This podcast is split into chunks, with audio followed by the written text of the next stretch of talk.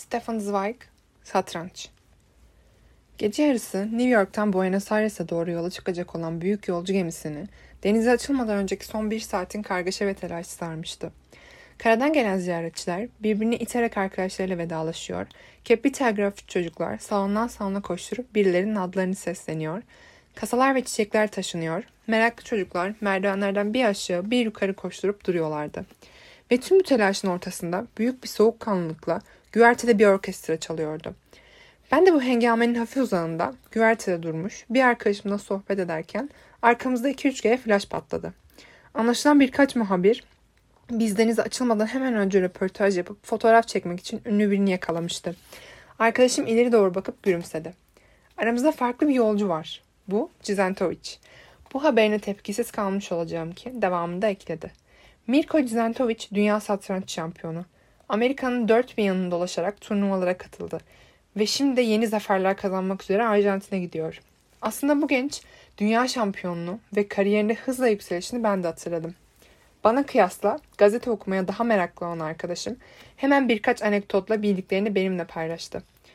Cizentovic tek bir hamleyle geçen bir yıllık sürede Aleyhin, Capablanca, Tartakover, Lasker, Bogolyabavov gibi satranç sanatının en büyük ustalarıyla aynı seviyeye yükseltmişti. 1920'deki New York Ustalar Turnuvası'nda boy gösteren mucize çocuk Rijevski'den beri hiç tanınmamış birinin o meşhur lojaya girişi hiç bu denli büyük yankı uyandırmamıştı. Zira Cizentovic'in zeka becerileri böylesine büyüleyici bir başarıya dair hiçbir ipucu vermemişti. Sonrasında çıkan söylentiye göre bu satranç şampiyonu özel hayatında hangi dilde olursa olsun tek bir cümleyi bile doğru düzgün yazamıyordu. Ve kızgın bir meslektaşının dediğine göre de eğitim açısından her alanda cahildi. Tuna Nehri'nin ortasındaki balıkçı gemisi bir gecede bir tahıl gemisi tarafından ezilen fakir bir gemicinin oğluydu. Babasını kaybettiğinde 12 yaşında olan çocuğa köylerinin papazı acımış ve onun bakımını üstlenmişti. İyi niyetli papaz elinden gelen yardımı yapıp bu donuk, konuşma becerilerinden yoksun, kalın kafalı çocuğun köy okulunda öğrenmediklerini ona evde ders vererek telafi etmeye çalışmıştı. Fakat tüm bu çabaları nafileydi. Alfabenin kendisine en az 100 kere öğretilmesine rağmen Mirko, her derste önüne konan harflere yenilenmiş bir cehaletle bakar, kıt beyni en basit kavramı bile anlayacak gücü bulamazdı. 14 yaşında olmasına rağmen kafadan toplama çıkarma yaparken bile hala parmaklarını kullanmak zorunda kalıyordu. Gazete ve kitap okumaksa çoktan ergenliğe girmiş bu çocuk için hala çaba gerektiren bir işti. Fakat yine de Mirko'ya hiçbir şekilde haşarı ya da tembel denemezdi. İtaatkardı ve kendine ne söylenirse yapıyordu. Su getiriyor, odun kesiyor, tarladaki işlere yardım ediyor, mutfağı topluyor ve insanı çileden çıkaran bir yavaşlıkla da olsa ona verilen her türlü görevi itiraz etmeden yerine getiriyordu. Fakat bir türlü yola gelmeyen bu çocukta iyi kalpli papazı en çok sinirlendiren şey katıksız ilgisizliğiydi. Kendisinden öncelikle istenmediği sürece hiçbir şey yapmıyordu. Asla soru sormuyor, diğer olan çocuklarıyla oynamıyor ve sesli bir şekilde söylenmediği sürece asla kendi kendine bir uğraşta aramıyordu. Mirko evdeki vazifelerini bitirir bitirmez çayırdaki koyunlar gibi boş boş bakarak odalardan birine oturur ve etrafında olan bitenle hiçbir şekilde ilgilenmezdi. Akşamları papaz o uzun saplı çiftçi piposunu tutturup yerel jandarmanın çavuşuyla her zamanki 2-3 el satranç oyununu oynarken bu saman saçlı ergende çıt çıkarmadan yanlarında oturur ve gayet uykulu, umursamaz bir ifadeyle önündeki damalı tahtaya bakardı. Bir kış gecesi iki oyuncu günlük satranç oyunlarına dalıp gitmişken köyün içinden hızla yaklaşan bir kızağın minik çanlarının ses duyuldu. Şapkası karla kaplı bir çiftçi apar topar içeri daldı. Annesi ölüm döşeğindeymiş. Papaz da son duasını yapmak için acaba hemen girip gelebilir miymiş? Papaz hiç tereddüt etmeden adamla birlikte evden çıktı. Henüz birasını bitirmemiş olan jandarma çavuşu kendine yol için bir pipo daha yaktı ve tam kalın çizmelerini ayağına geçirmek üzereyken Mirko'nun gözlerini ayırmadan satranç tahtasına baktığını ve yarım kalan oyununu gördü. Mirko'ya pekala onun yerine geçmek ister misin diye sordu. Halbuki uyuklayan çocuğun tahtadaki tek bir taşı bile nasıl hareket ettireceğini bilmediğinden emindi. Genç oğlan çekingen bir ifadeyle ona bakıp başıyla onayladı ve papazın yerine geçti. 14 hamleden sonra jandarma çavuşu yenilmiş ve bu yenilginin kendi yaptığı dikkatsiz bir hamleden kaynaklanmadığını da itiraf etmek zorunda kalmıştı. İkinci oyunları da aynı sonuçta bitti. Papaz eve döndüğünde vay canına diye hayretle bağırdı ve İncil'le ilgili nispeten daha az bilgi olan jandarma çavuşuna 200 yıl önce de meydana gelen, yine aptal bir varlığın birdenbire bilgi sözler etmeye başladığı benzer bir mucizeden bahsetti. Papaz saat geç de olsa evinde kalan bu yarı cahil öğrenciye meydan okumaktan kendini alamadı. Mirko onu da yendi. Hem de kolaylıkla. Hamleleri ağır, azimli ve sağlamdı. Geniş anlı bir kere aşağı indi mi bir daha tahtadan kalkmıyordu.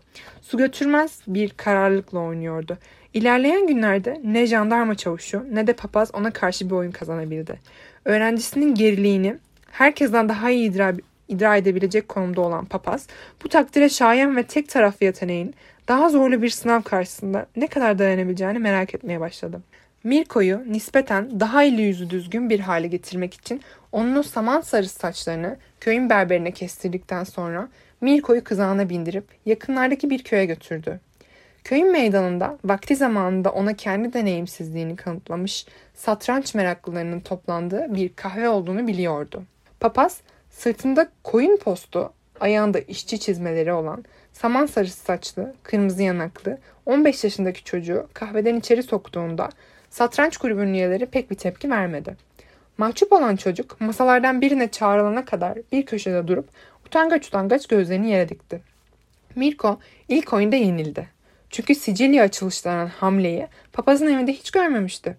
İkinci oyundaysa en iyi oyuncuyla berabere kaldı. Üçüncü ve dördüncü oyundan itibaren de tek tek hepsini yendi.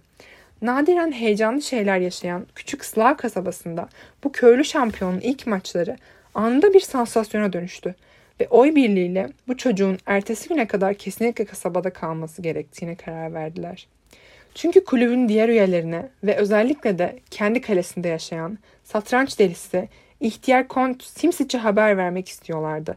Artık öğrencisine bambaşka bir gururla bakan fakat bu keşfin getirdiği coşkunun pazar ayini görevini de aksatmasına izin vermeye niyeti olmayan papaz üst düzey bir deneme için Mirko'yu orada bırakmaya razı geldi. Genç Zidentovic masrafları satranç kulübü tarafından karşılanan bir otel odasına yerleştirildi ve o akşam hayatında ilk defa içinde klozet bulunan tuvalet denen odayı gördü. Ertesi gün pazar öğleden sonra satranç salonu tıka basa doluydu. Neredeyse 4 saattir hiç kıpırdamadan tahtanın başında oturan Mirko tek kelime etmeden hatta kafasını bile kaldırmadan rakiplerini tek tek yendi. En sonunda simultane bir satranç maçı oynanması teklif edildi.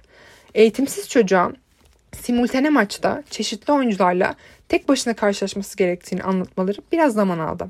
Fakat Mirko oyunun şeklini anlar anlamaz işe koyuldu ve ağır, gıcırdayan çizmeleriyle bir masadan ötekine ilerleyerek 8 oyundan 7'sini kazandı.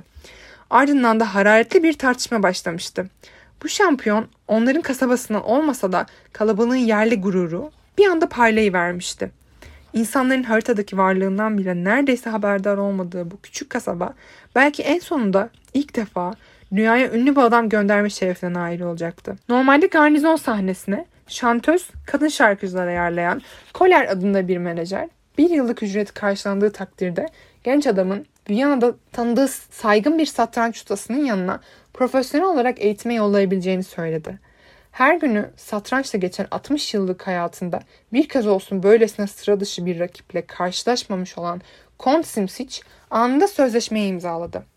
Bu da gemicinin oğlunun parmak ısırtan kariyerinin ilk günü oldu. Mirko ilerleyen zamanlarda profesyonel çevrelerce fark edilen ve alay edilen yetersizliklerine rağmen 6 ay sonunda satranç tekniğinin çeşitli püf noktalarına ustalaşmıştı.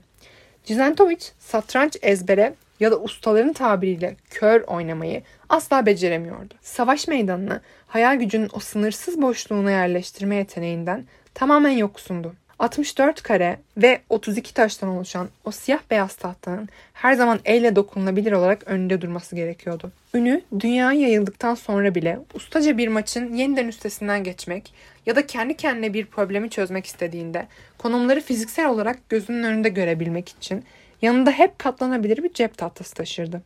Başlı başına abes olan bu kusur onun hayal gücünden yoksun olduğunu ortaya koyuyor ve camiada şiddetle tartışılıyordu. Tıpkı çok yetenekli bir virtüzörün ya da orkestra şefinin önünde notlar olmadan enstrüman çalamaması ya da orkestra yönetememesi müzisyenlerce eleştirilmesi gibi. Fakat Mirko'nun bu tuhaf özelliği şaşırtıcı yükselişini hiçbir şekilde sekteye uğratmadı. 10 yaşına bastığında çoktan bir düzine satranç ödülü kazanmış, 18'inde Macaristan şampiyonu olmuş ve 20'sine geldiğinde en sonunda dünya şampiyonluğunu kazanmıştı. Zeka düzeyi, görüşü ve cesareti bakımından ondan çok daha üstün olan en gözü pek ustalar bile onun bu soğuk ve azimli zekasına yenik düşüyordu. Tıpkı Hantal Kutuzov'a yenilen Napolyon ya da Fabius Contactor'a yenilen Hannibal gibi Livus'un yazılarına göre Fabius Contactor'da çocukluğunda ilgisizlik ve embesillik emareleri göstermişti. Böylece türlü filozoflar, matematikçiler, ferasetli, maharetli ve yaratıcı beyinlerden oluşan entelektüel dehaları bir araya getiren hayli bir satranç ustası tapınağı, tarihte ilk defa ilim dünyasında yabancı biri tarafından ihlal edilmiş oldu. En becerikli muhabirin bile ağzından bir tane basılmaya değer cümle koparmayı beceremediği, kaba, ağzını bıçak açmayan bir köylü çocuğu tarafından hem de. Ancak Cizentovic gazetelerden esirgediği düzgün cümleleri çok geçmeden karakteriyle ilgili çıkan anekdotlarla telafi etti. Benzersiz bir şekilde usta olduğu o satranç tahtasının başından kalktığında zavallı çocuk anında kaba, hatta neredeyse gülünç birine dönüşüyordu. Şık siyah takım elbisesine, gereğinden fazla süslü ince iğnesine, gösterişli kravatına ve zorla maniküle yapılmış parmaklarına rağmen duruşu ve tavırlarıyla hala papazın köydeki mutfağını süpüren o yeteneksiz köylü çocuğuydu. Bu beceriksiz, neredeyse arsız denilebilecek kabalıklarıyla ve meslektaşlarını kimi zaman güldüren, kimi zaman da sinirlendiren, o basit ve çoğu zaman da terbiyesiz açgözlülüğüyle bu genç adam yeteneğinden ve edindiği ünden koparabildiği kadar para kazanmaya çalışıyordu. Şehir şehir gezer, her zaman en ucuz otellerde kalır, alacağı ücretin garanti olduğu en sefil kulüplerde oynar, sabun reklamlarında yüzünün kullanılmasına izin verirdi. Hatta iki cümleyi bir araya getirmekten bile aciz olduğunu gayet iyi bilen rakiplerinin alaylı sözlerine kulak asmayıp Satranç Felsefesi diye bir kitaba ismini satmıştı. Halbuki girişimci yayın evine kitabı yazan ufak tefek Galiçyalı bir öğrenciydi. Her dik kafalı insan gibi Mirko da her türlü espri kabiliyetinden yoksundu. Dünya şampiyonasında kazandığı zaferden beri kendini dünyanın en önemli insanı sanıyordu. Bütün bu fevkalade, bilge ve entelektüel konuşmacı ve yazarların kendi alanlarını ona yenik düştüğünü bilmek, daha da önemlisi hepsinden çok daha fazla para kazandığı gerçeği, baştaki özgüven eksikliğini şimdi buz gibi, arsızca gözler önüne serilen bir kibre dönüştürmüştü. Böylesine hızlı bir yükseliş, bu kadar boş birini serseme çevirmesi doğal değil midir? diye bitirdi arkadaşım. Deminden beri Cizentovic'in çocuksu kibrine dair hikayeleri anlatıyordu. Banatlı, 21 yaşında bir köylü çocuğu. Bir tahtanın üstünde alt tarafı iki taş oynatarak bir anda memleketindeki bütün köy halkını odun kesip tarla sürerek bir yılda kazanılan fazlasını bir haftada kazanmaya başlayınca kendini kaybetmesi normal değil mi? Hem ayrıca bu dünyada Rembrandt, Beethoven, Dante ya da Napolyon gibi birinin geçtiğine dair en ufak bir bilgisi yokken kendini büyük bir adam sanması aslında gayet kolay olmaz mı? Bu çocuğun o duvarlarla örülü beyninde bildiği sadece tek bir gerçek var. Aylardır bir tane bile satranç oyunu kaybetmedi ve dünyamızda satranç ve paradan daha önemli başka bir şey olabileceğine dair hiçbir şüphesi bulunmadığına göre kendini bir şey sanması da gayet normal bence. Arkadaşımın anlattığı bu hikayeler bende tabii ki belli bir ilgi uyandırmayı başardı. Ömrüm boyunca sabit fikirli, kafayı sadece tek bir düşünceyle bozan insanlar ilgimi çekmiştir. Zira insan kendini kısıtladıkça sonsuza da o kadar yaklaşır. Tıpkı birer karınca gibi ellerindeki malzemeleri dış dünyanın en sıra dışı ve eşsiz maketlerine dönüştüren işte böyle dünyadan elini eteğini çeken insanlardır. Dolayısıyla ben de 12 gün sürecek Rio seyahatimizden istifade edip bu sıra dışı, tek boyutlu, zihin örneğini mercek altına almaya niyetli olduğumu söyledim. Ama arkadaşım çok fazla umutlanma diye uyardı beni. Bildiğim kadarıyla henüz Cizentovic'in ağzından herhangi bir psikolojik bir koparmayı başarmış olan yok.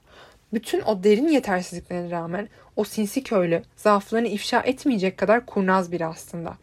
Bunu da kaldığı hanlarda denk geldiği cahil köylüler dışında kimseyle sohbete girmeyerek başarıyor. Eğitimli birinin kokusunu aldığı anda hemen kabuğuna çekilir o. Böylece kimse onun aptalca bir şey söylediğini ya da cehaletinin sınırsız derinliğini ortaya çıkardığını iddia edemez. Ve arkadaşım hakikaten de haklı çıktı. Yolculuğun ilk birkaç gününde münasebetsiz bir davranışta bulunmadıkça Cizentovic'e yaklaşmanın imkansız olduğu anlaşıldı ki bu da hiç benim tarzım değildir. Bazen gezinti güvertesinde dolaşmaya çıktığı oluyordu. Dolaşırken de ellerini arkasında kavuşturuyordu. Tıpkı şu meşhur tabloda Napolyon'un durduğu gibi. Ayrıca güvertenin bir ucundan öteki ucuna attığı turu o kadar çabuk ve ani bir şekilde bitiriyordu ki ona kendimi takdim etmek için arkasından koşmam gerekirdi. Onun dışında zaten ne okuma odasına, ne bara, ne de sigara odasına giriyordu. Kamarottan birinin gizlice bana söylediğine göre günlerini çoğunlukla dev bir satranç tahtası başında alıştırma yaparak ya da satranç hamlelerinin üstünden geçerek kamerasında geçiriyordu. Üç gün sonra onunla tanışma isteğime mani olan bu inatçı savunma taktiklerini sinirime dokunmaya başladı.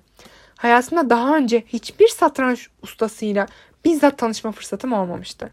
Ve ben adamın kişiliğini hayal etmeye çalıştıkça bütün hayatı 64 tane siyah ve beyaz kare etrafında dönen bir insan fikri bana daha da akıl almaz geliyordu. Kendi şahsi deneyimlerimden bu kral oyununun gizemli cazibesini biliyordum. Geçmişteki insanların icat ettiği oyunlar arasında satranç, olağanüstü bir şekilde şansın despotluğundan sıyrılıp sadece zekayı ya da daha doğrusu özel bir tür zihinsel kabiliyeti mükafatlandıran yegane oyundu. Fakat satrancı sadece bir oyun olarak görürsek onu aşağılamış olmaz mıyız?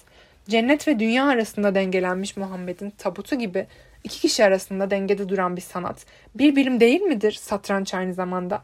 Eski ama ayrıca her daim yeni, yapı gereği mekanik ama öte yandan da sadece hayal gücüne bağlı, geometrik bir alanla sınırlı ama bir o kadar da olasılıkları sınırsız, her zaman gelişen ve asla kısır döngüye düşmeyen sonuçsuz bir mantık, hesapsız bir matematik, yapıtsız bir sanat, nesnesiz bir mimari, öte yandan da varlığı ve tarihiyle her türlü eser ve kitaptan daha kalıcı olduğunu kanıtlamış, can sıkıntısını gidermek, zihni çalıştırıp ruhu canlandırmak için hangi tanrı tarafından dünyaya gönderildiği meçhul, her dönemde var olmuş ve her insan tarafından bilinen yegane oyun değil mi?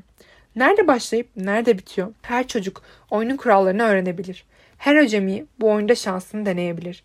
Ama buna rağmen bu değişmez küçücük kare tahtadan özel ustalar, eşi benzeri olmayan, yalnızca satrancın buyurduğu bir istiyada sahip insanlar, görüş, sabır ve tekniğin tıpkı matematikçiler, şair ya da müzisyenlerde olduğu gibi hassas bir dengede ama farklı seviye ve bağlamlarda birbiriyle etkileştiği özgür dahiller doğar. Fizyonomiye duyulan ilginin ilk baş gösterdiği dönemlerde Gel gibi bir bilim insanı bu ustalardan birinin beynini çıkarıp bir satranç dahiyesinin gri maddesinde özel bir boğum, başkalarının kafa taslarına kıyasla çok daha gelişmiş özel bir satranç kası ya da satranç korteksi olup olmadığına bakmıştır belki. Bu fizyonomiciler bu özel dehası entelektüel bir ataletin içine hapsolmuş Zentovic gibi bir vakaya denk gelseler 100 kiloluk içi boş bir kayanın içinde incecik bir altın damarı bulmuş gibi sevinirlerdi. Böylesine bireysel, böylesine ustaca bir oyunun kendi özel matadorlarını doğuracağını prensipte hep anlamışımdır. Ama dünyası yalnızca siyah ve beyaz karelerden ibaret olan, hayatında başarıyı sadece 32 taşı ileri geri hareket ettirmekte arayan, at yerine piyon oynayarak yaptığı yeni açı hamlesine adını bir satranç kitabının ufacık bir kıyısında geçirterek ölümsüzlüğünü garantileyecek büyük bir meziyet gözüyle bakan, delirmeden 10, 20, 30, 40 sene boyunca zihninin tüm analitik gücünü gülünç bir şekilde sadece tahtadan bir şahı tahtadan bir tablonun köşesine çekmeye adayan entelektüel bir insanın hayatını hayal etmek bile aslında ne kadar güç. Hatta ne kadar imkansız. Ve şimdi ilk defa bu fenomenlerden biri, bu tuhaf dahilerden ya da esrarengiz delilerden biri de dibimdeydi. Aynı gemide altı kamera ötemdeydi ve entelektüel merakı her zaman bir tür takıntıya dönüşen ben o kadar talihsizdim ki bir türlü ona ulaşamıyordum. Akla gelebilecek en absürt mizasemleri üretmeye başladım. Mesela önemli bir gazete için yalandan bir röportaj teklif ederek gururunu okşayayım veya İskoçya'da karlı bir turnuvaya davet edip onun aç gözlüğüyle tuzağa düşüreyim dedim. Fakat en sonunda bir avcının avını yakalamak için başvurucu en güvenli yöntemin dişisinin çiftleşme çığlıklarını taklit etmek olduğunu hatırladım. Bir satranç ustasının dikkatini çekmenin benim de bir satranç oyuncusu olmamdan daha garanti bir yolu olabilir miydi? Şimdi ben asla öyle ciddi bir satranç oyuncusu olmadım. Çünkü bir kere o taşları sadece oyalanmak için ortaya çıkarırım. Tahtanın başında bir saat otursam da bunu efor sarf etmek için değil, aksine zihinsel olarak kendimi rahatlatmak için yaparım. Kelimenin tam manasıyla satranç oynarım. Halbuki ötekiler yani gerçek satranç oyuncuları satranç icra ederler.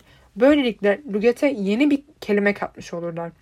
Fakat satranç için tıpkı aşkta da olduğu gibi kişinin bir partnere ihtiyacı vardır. Ve o esnada gemide ikimiz dışında bir satranç meraklısı olup olmadığını bilmiyordum. Onları inlerinden çıkarmak için sigara odasına ilkel bir tuzak bıraktım. Benden daha zayıf bir oyuncu olan eşimi karşıma alıp satranç tahtasının başına geçtim. Daha altı hamle bile yapmamıştık ki yanımızdan geçen biri durdu. Derken başka bir adam oyunu izlemek için izin istedi. En sonunda da beklediğim partner de geldi ve beraber bir oyun oynamayı teklif etti. Adı McConnor'dı ve Kaliforniya'da çıkarttığı petrolden kendine bir servet edindiğini duydum. İskoçyalı bir maden mühendisiydi. Görüntü itibariyle tıknaz bir adamdı. Neredeyse kare şeklinde, güçlü, sert bir çenesi, güçlü dişleri ve kırmızılığının kısmen bol miktarda tükettiği viskiye borçlu olduğu dolgun bir çehresi vardı. Çarpıcı şekilde geniş, bir sporcunun kadar heybetli omuzları maalesef oyun tarzında dışa vuruyordu. Çünkü bu Bay McKenner denen adam en alakasız oyunda yenilgiyi bile kendi şahsına sürülmüş bir leke olarak gören şu üstün başarılı, egoist tipli insanlardan biriydi.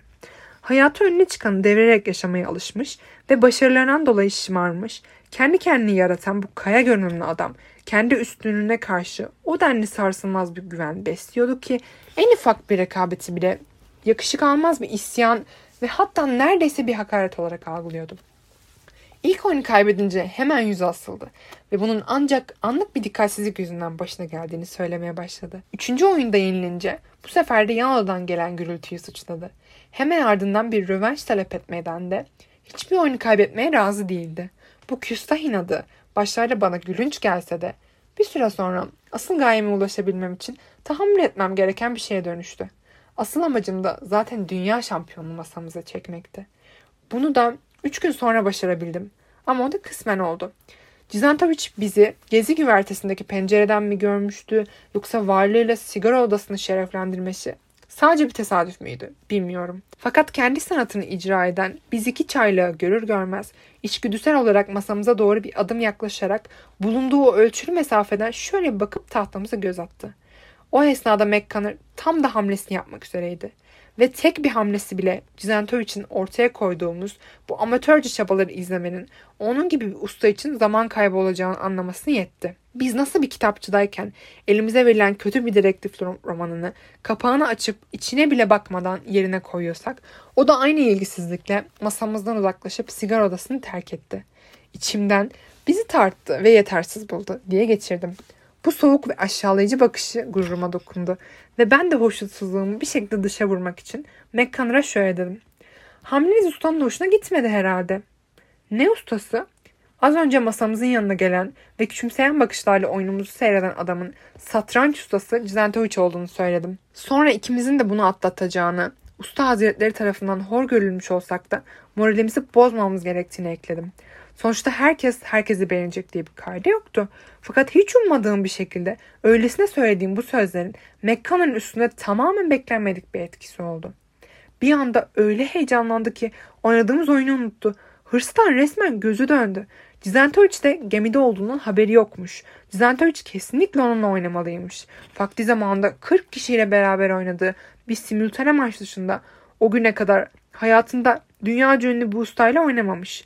O maç bile müthiş heyecanlıymış. Ve hatta az kalsın turnuvayı o kazanıyormuş. Peki satranç ustasını tanıyor muymuşum? Hayır, tanımıyordum. Kendimi ona tanıtmak ve bize katılması için onu davet etmek istemez miymişim? Cizentovic yeni insanlarla tanışmaya pek de açık olmadığını duyduğumu söyleyip tek teklifini geri çevirdim. Hem zaten bizim gibi 3. sınıf amatörlerle muhatap olmanın neresi bir dünya şampiyonluğu cazip gelebilirdi ki?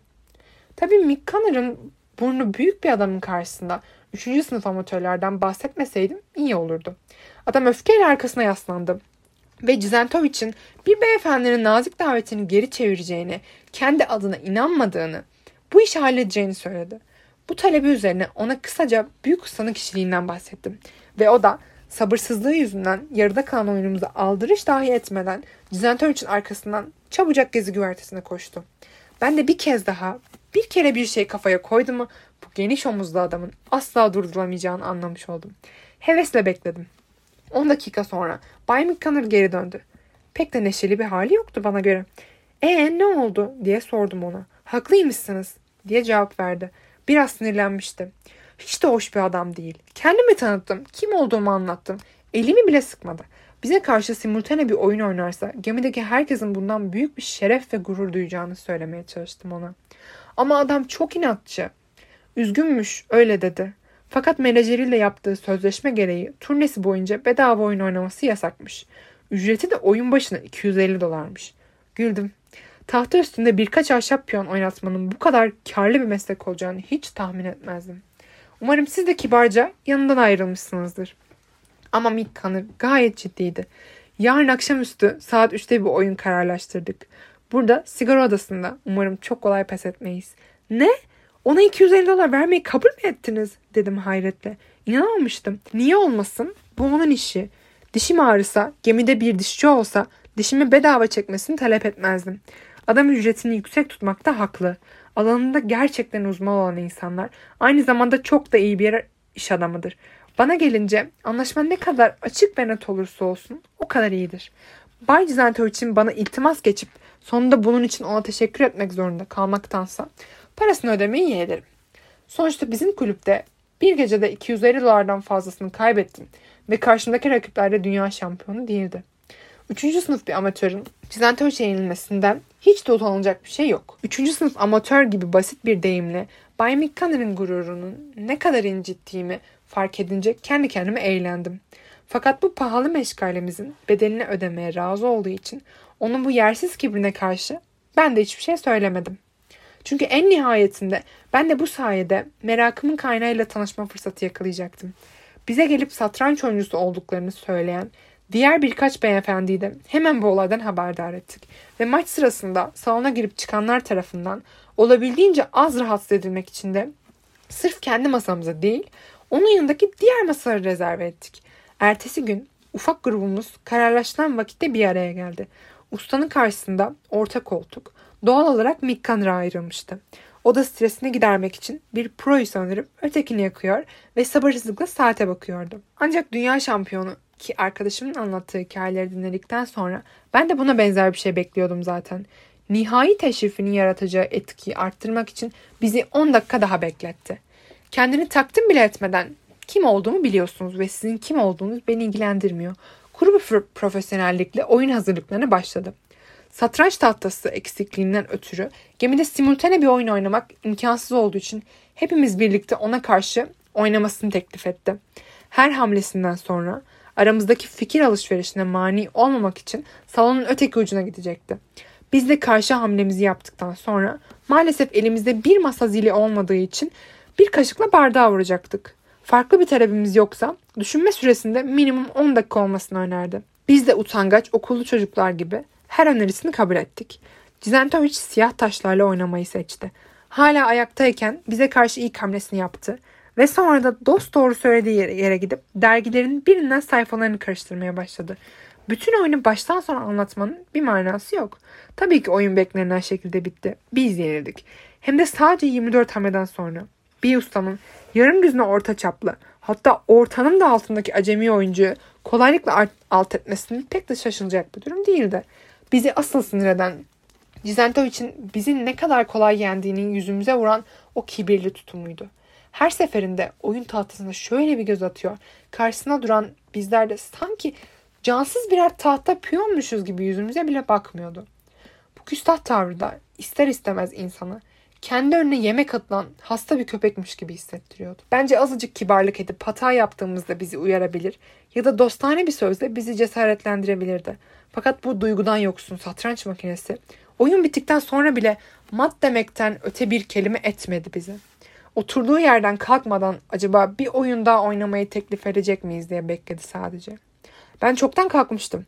Bu tip küstah kabalıklar karşısında çaresiz kalan her insan gibi ben de tam ayağa kalkmış para alışverişinde tamamlanmasıyla en azından benim için aramızdaki ilişkinin tamamen noktalandığını belli edecektim ki McConnor o gür sesini yükseltip rövanş diye bağırdı ve ben de öfkemden kudurdum. Sesinin o provoke edici tonu beni şaşkına çevirmişti. McConnor o an medeni bir beyefendiden çok yumruklarını her an savurmaya hazır bir boksörü andırıyordu. Cizentovic'in bize karşı sergilediği o sevimsiz tavırdan mı yoksa adamın artık hastalık haline almış hassas kibrinden mi bilmiyorum.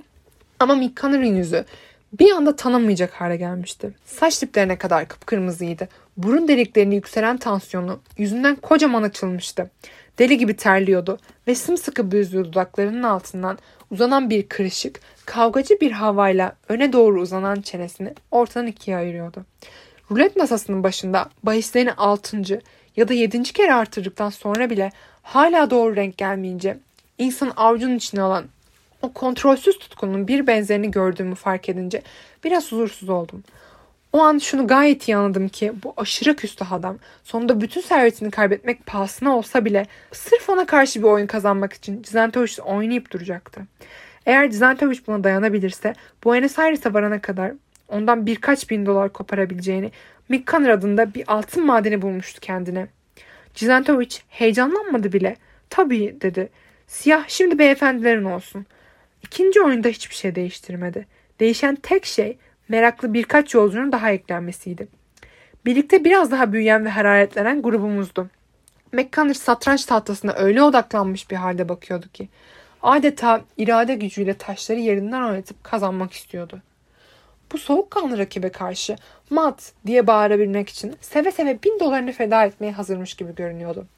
Ne tuhaftır ki onun bu inatçı heyecanının bir kısmı hiç çaktırmadan bizlere de bulaştı. Her bir hamle bir öncekinden daha hararetle tartışılıyor. Cizentovic'i yeniden masaya çağıracak sinyali vermeden önce her seferinde birimiz diğerini zapt etmek zorunda kalıyordu. Adım adım 37. hamleye yaklaştık. Tahtada bizim için inanılmaz derecede avantajlı bir konum oluştuğunu gördük. Ve bu durum bizi bile şaşırttı. Bunu da Filiz sondan bir önceki kareye yani C2'ye getirerek başarmıştık. Veziri almak için tek yapmamız gereken onu C1'e itmekti. Bu gayet bariz olan fırsat hiçbirimizi rahatlatmamıştı tabii ki. Çünkü hepimiz elde ettiğimiz zannettiğimiz bu avantajlı durumun Cizentoş tarafından kasıtlı olarak bize atılan bir yam olduğunu düşünüyorduk. Zira kendisi bu oyunda hepimizden çok daha ileri görüşlüydü. Fakat baş başa verip hararetle bu konuyu tartışsak da hilenin nerede olduğunu bulamadık. Nihayet neredeyse düşünme süremizin sonuna gelmişken risk alıp bu hamleyi yapmaya karar verdik. Mick tam veziri tutup son kareye etmek üzereyken biri kısık ama kararlı bir sesle Tanrı aşkına sakın yapma diye fısıldadı. Hepimiz arkamızı döndük. Uzun, keskin hatları olan yüzünü kireç kadar beyaz rengi yüzünden daha önce gezi güvertesinde fark ettiği muhtemelen 45 yaşlarında bir adam bütün dikkatimizi satranç tahtasına verdiğimiz o son dakikalarda aramıza katılmış olmalıydı. Hepimizin ona şüpheyle baktığını görünce hemen ekledi. Şimdi veziri oynarsanız filini C1'e sürüp onu alır. Sonra siz de atınıza fili alırsınız. Ama bu arada o piyonu D7'ye kadar getirmiş olur. Böylece kalenizi kırma şansı doğar. Ve siz atınızla önünü kesseniz bile 9 ya da 10 hamlede işiniz biter. Yenilirsiniz. 1922 senesinde Pistian'da Alekine Bogleov'a karşı oynarken oluşturduğu konunun neredeyse aynısı bu. McConnor şaşırarak elini taştan çekti ve cennetten inen bir melek gibi beklenmedik bir imdadımıza yetişen bu adama hepimiz bir gayretle baka kaldık. Matı 9 hamlede öncesinden saptayabilen bir adam birinci sınıf bir uzman olmalıydı. Hatta belki de aynı turnuva içinde seyahat eden bir şampiyon rakibi bile olabilirdi. Bu adam aniden ortaya çıkıp oyunumuza müdahale etmesinde neredeyse doğaüstü bir şey vardı. Kendini ilk toparlayan McConnor oldu. Sizin öneriniz nedir? diye fısıldadı telaşla. Hemen hata geçmeyin. Aksine geri çekilin. Önce şahınızı riskli olan sıradan çekip G8'den H7'ye getirin.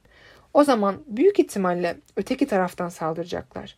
Ama siz de kaleyi C8'den C4'e alarak bu hamlesini savuşturabilirsiniz.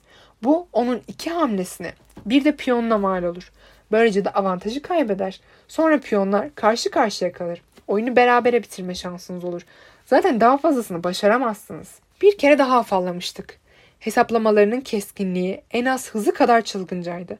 Bütün bu hamleleri önünde duran bir kitaptan okur gibiydi.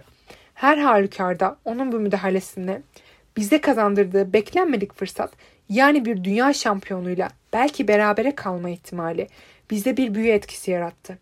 Oyun tahtasını daha rahat görsün diye sırayla yana çektik. McConnor bir daha sordu.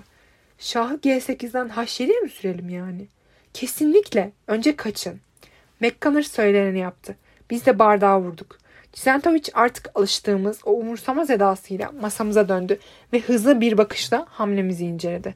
Sonra da Şah'ın yanında duran piyonunu tıpkı isimsiz yardımcının öngördüğü gibi H2'den H4'e sürdü. Yardımcımız çoktan heyecan içinde fısıldamaya başlamıştı bile. Kaleyi öne sürün, kaleyi öne sürün. C8'den C4'e. Sonra piyonun önünü kapatması gerekecek çünkü. Ama bu hiçbir işine yaramayacak. Piyonu boş verip atınızda hamle yapacaksınız. Atı D3'ten D5'e süreceksiniz. Ve böylece onu tekrar dengelenmiş olacak. Siz de tüm baskıyı ileri yöneltip defanstan atağa geçeceksiniz. Söylediklerinin hiçbir şey anlamadık. O sırada bizimle Çince konuşsa da ancak bu kadar anlardık. Fakat Mick Connor artık tamamen adamın büyüsüne kapıldığı için bir an olsun tereddüt etmeden kendisine söyleneni yaptı. Cizentovic'i geri çağırmak için tekrar bardağı vurduk. İlk defa kararını bir anda vermedi. Aksine püri dikkat tahtayı inceledi. İster istemez kaşları çatılmıştı. Sonra da aynen yabancının tahmin ettiği hamleyi yapıp gitmek üzere arkasını döndü. Fakat masanın uzaklaşmadan evvel tamamen yeni ve beklenmedik bir olay yaşandı. Cizentovic başını kaldırıp hepimize tek tek baktı. Belli ki bir anda ona karşı böylesine bir direniş gösteren kişinin kim olduğunu bulmaya çalışıyordu. O dakikadan itibaren heyecanımız artık doruklara ulaştı. O ana kadar herhangi bir ciddi ümidimiz olmadan oynamıştık. Ama şimdi Cizentovic'in o buz gibi gururunu kırma düşüncesi hepimizin kalp atışlarını hızlandırıyordu. Yeni dostumuz bir sonraki hamlemizi de belirlemişti. Cizentovic'i geri çağırmak için hazırdık. Kaşığı bardağa vururken parmaklarım titriyordu. İşte o an ilk zaferimizi kazandık. O zamana kadar her hamlesini ayakta yapan Cizentovic tereddüt etti. Tereddüt etti ve nihayet oturdu. Otururken hareketleri ağır ve düşünceliydi. Ama bu hareketleriyle birlikte bize karşı sergilediği o önceki küçümseme gözle görülür bir şekilde yok oldu. En azından o an için. Onu bizimle aynı seviyeye inmek zorunda bırakmıştık. Uzunca bir müddet düşündü. Gözlerini hiç kıpırdatmadan önündeki tahtaya dikmişti. Kara göz kapaklarının altından göz bebekleri neredeyse hiç görünmüyordu. Kafa yorarak düşündüğü belliydi. Çünkü ağzı hafifçe aralandı ve yuvarlak yüzünde aptal bir ifade belirdi. Cizentovic birkaç dakika düşündü. Sonra hamlesini yaptı ve ayağa kalktı. Bizim dostluğumuz da çoktan fısıldamaya başlamıştı bile. Zaman kazanmaya çalışıyor. Aferin. Ama siz ona uymayın. Onu taş almaya zorlayın.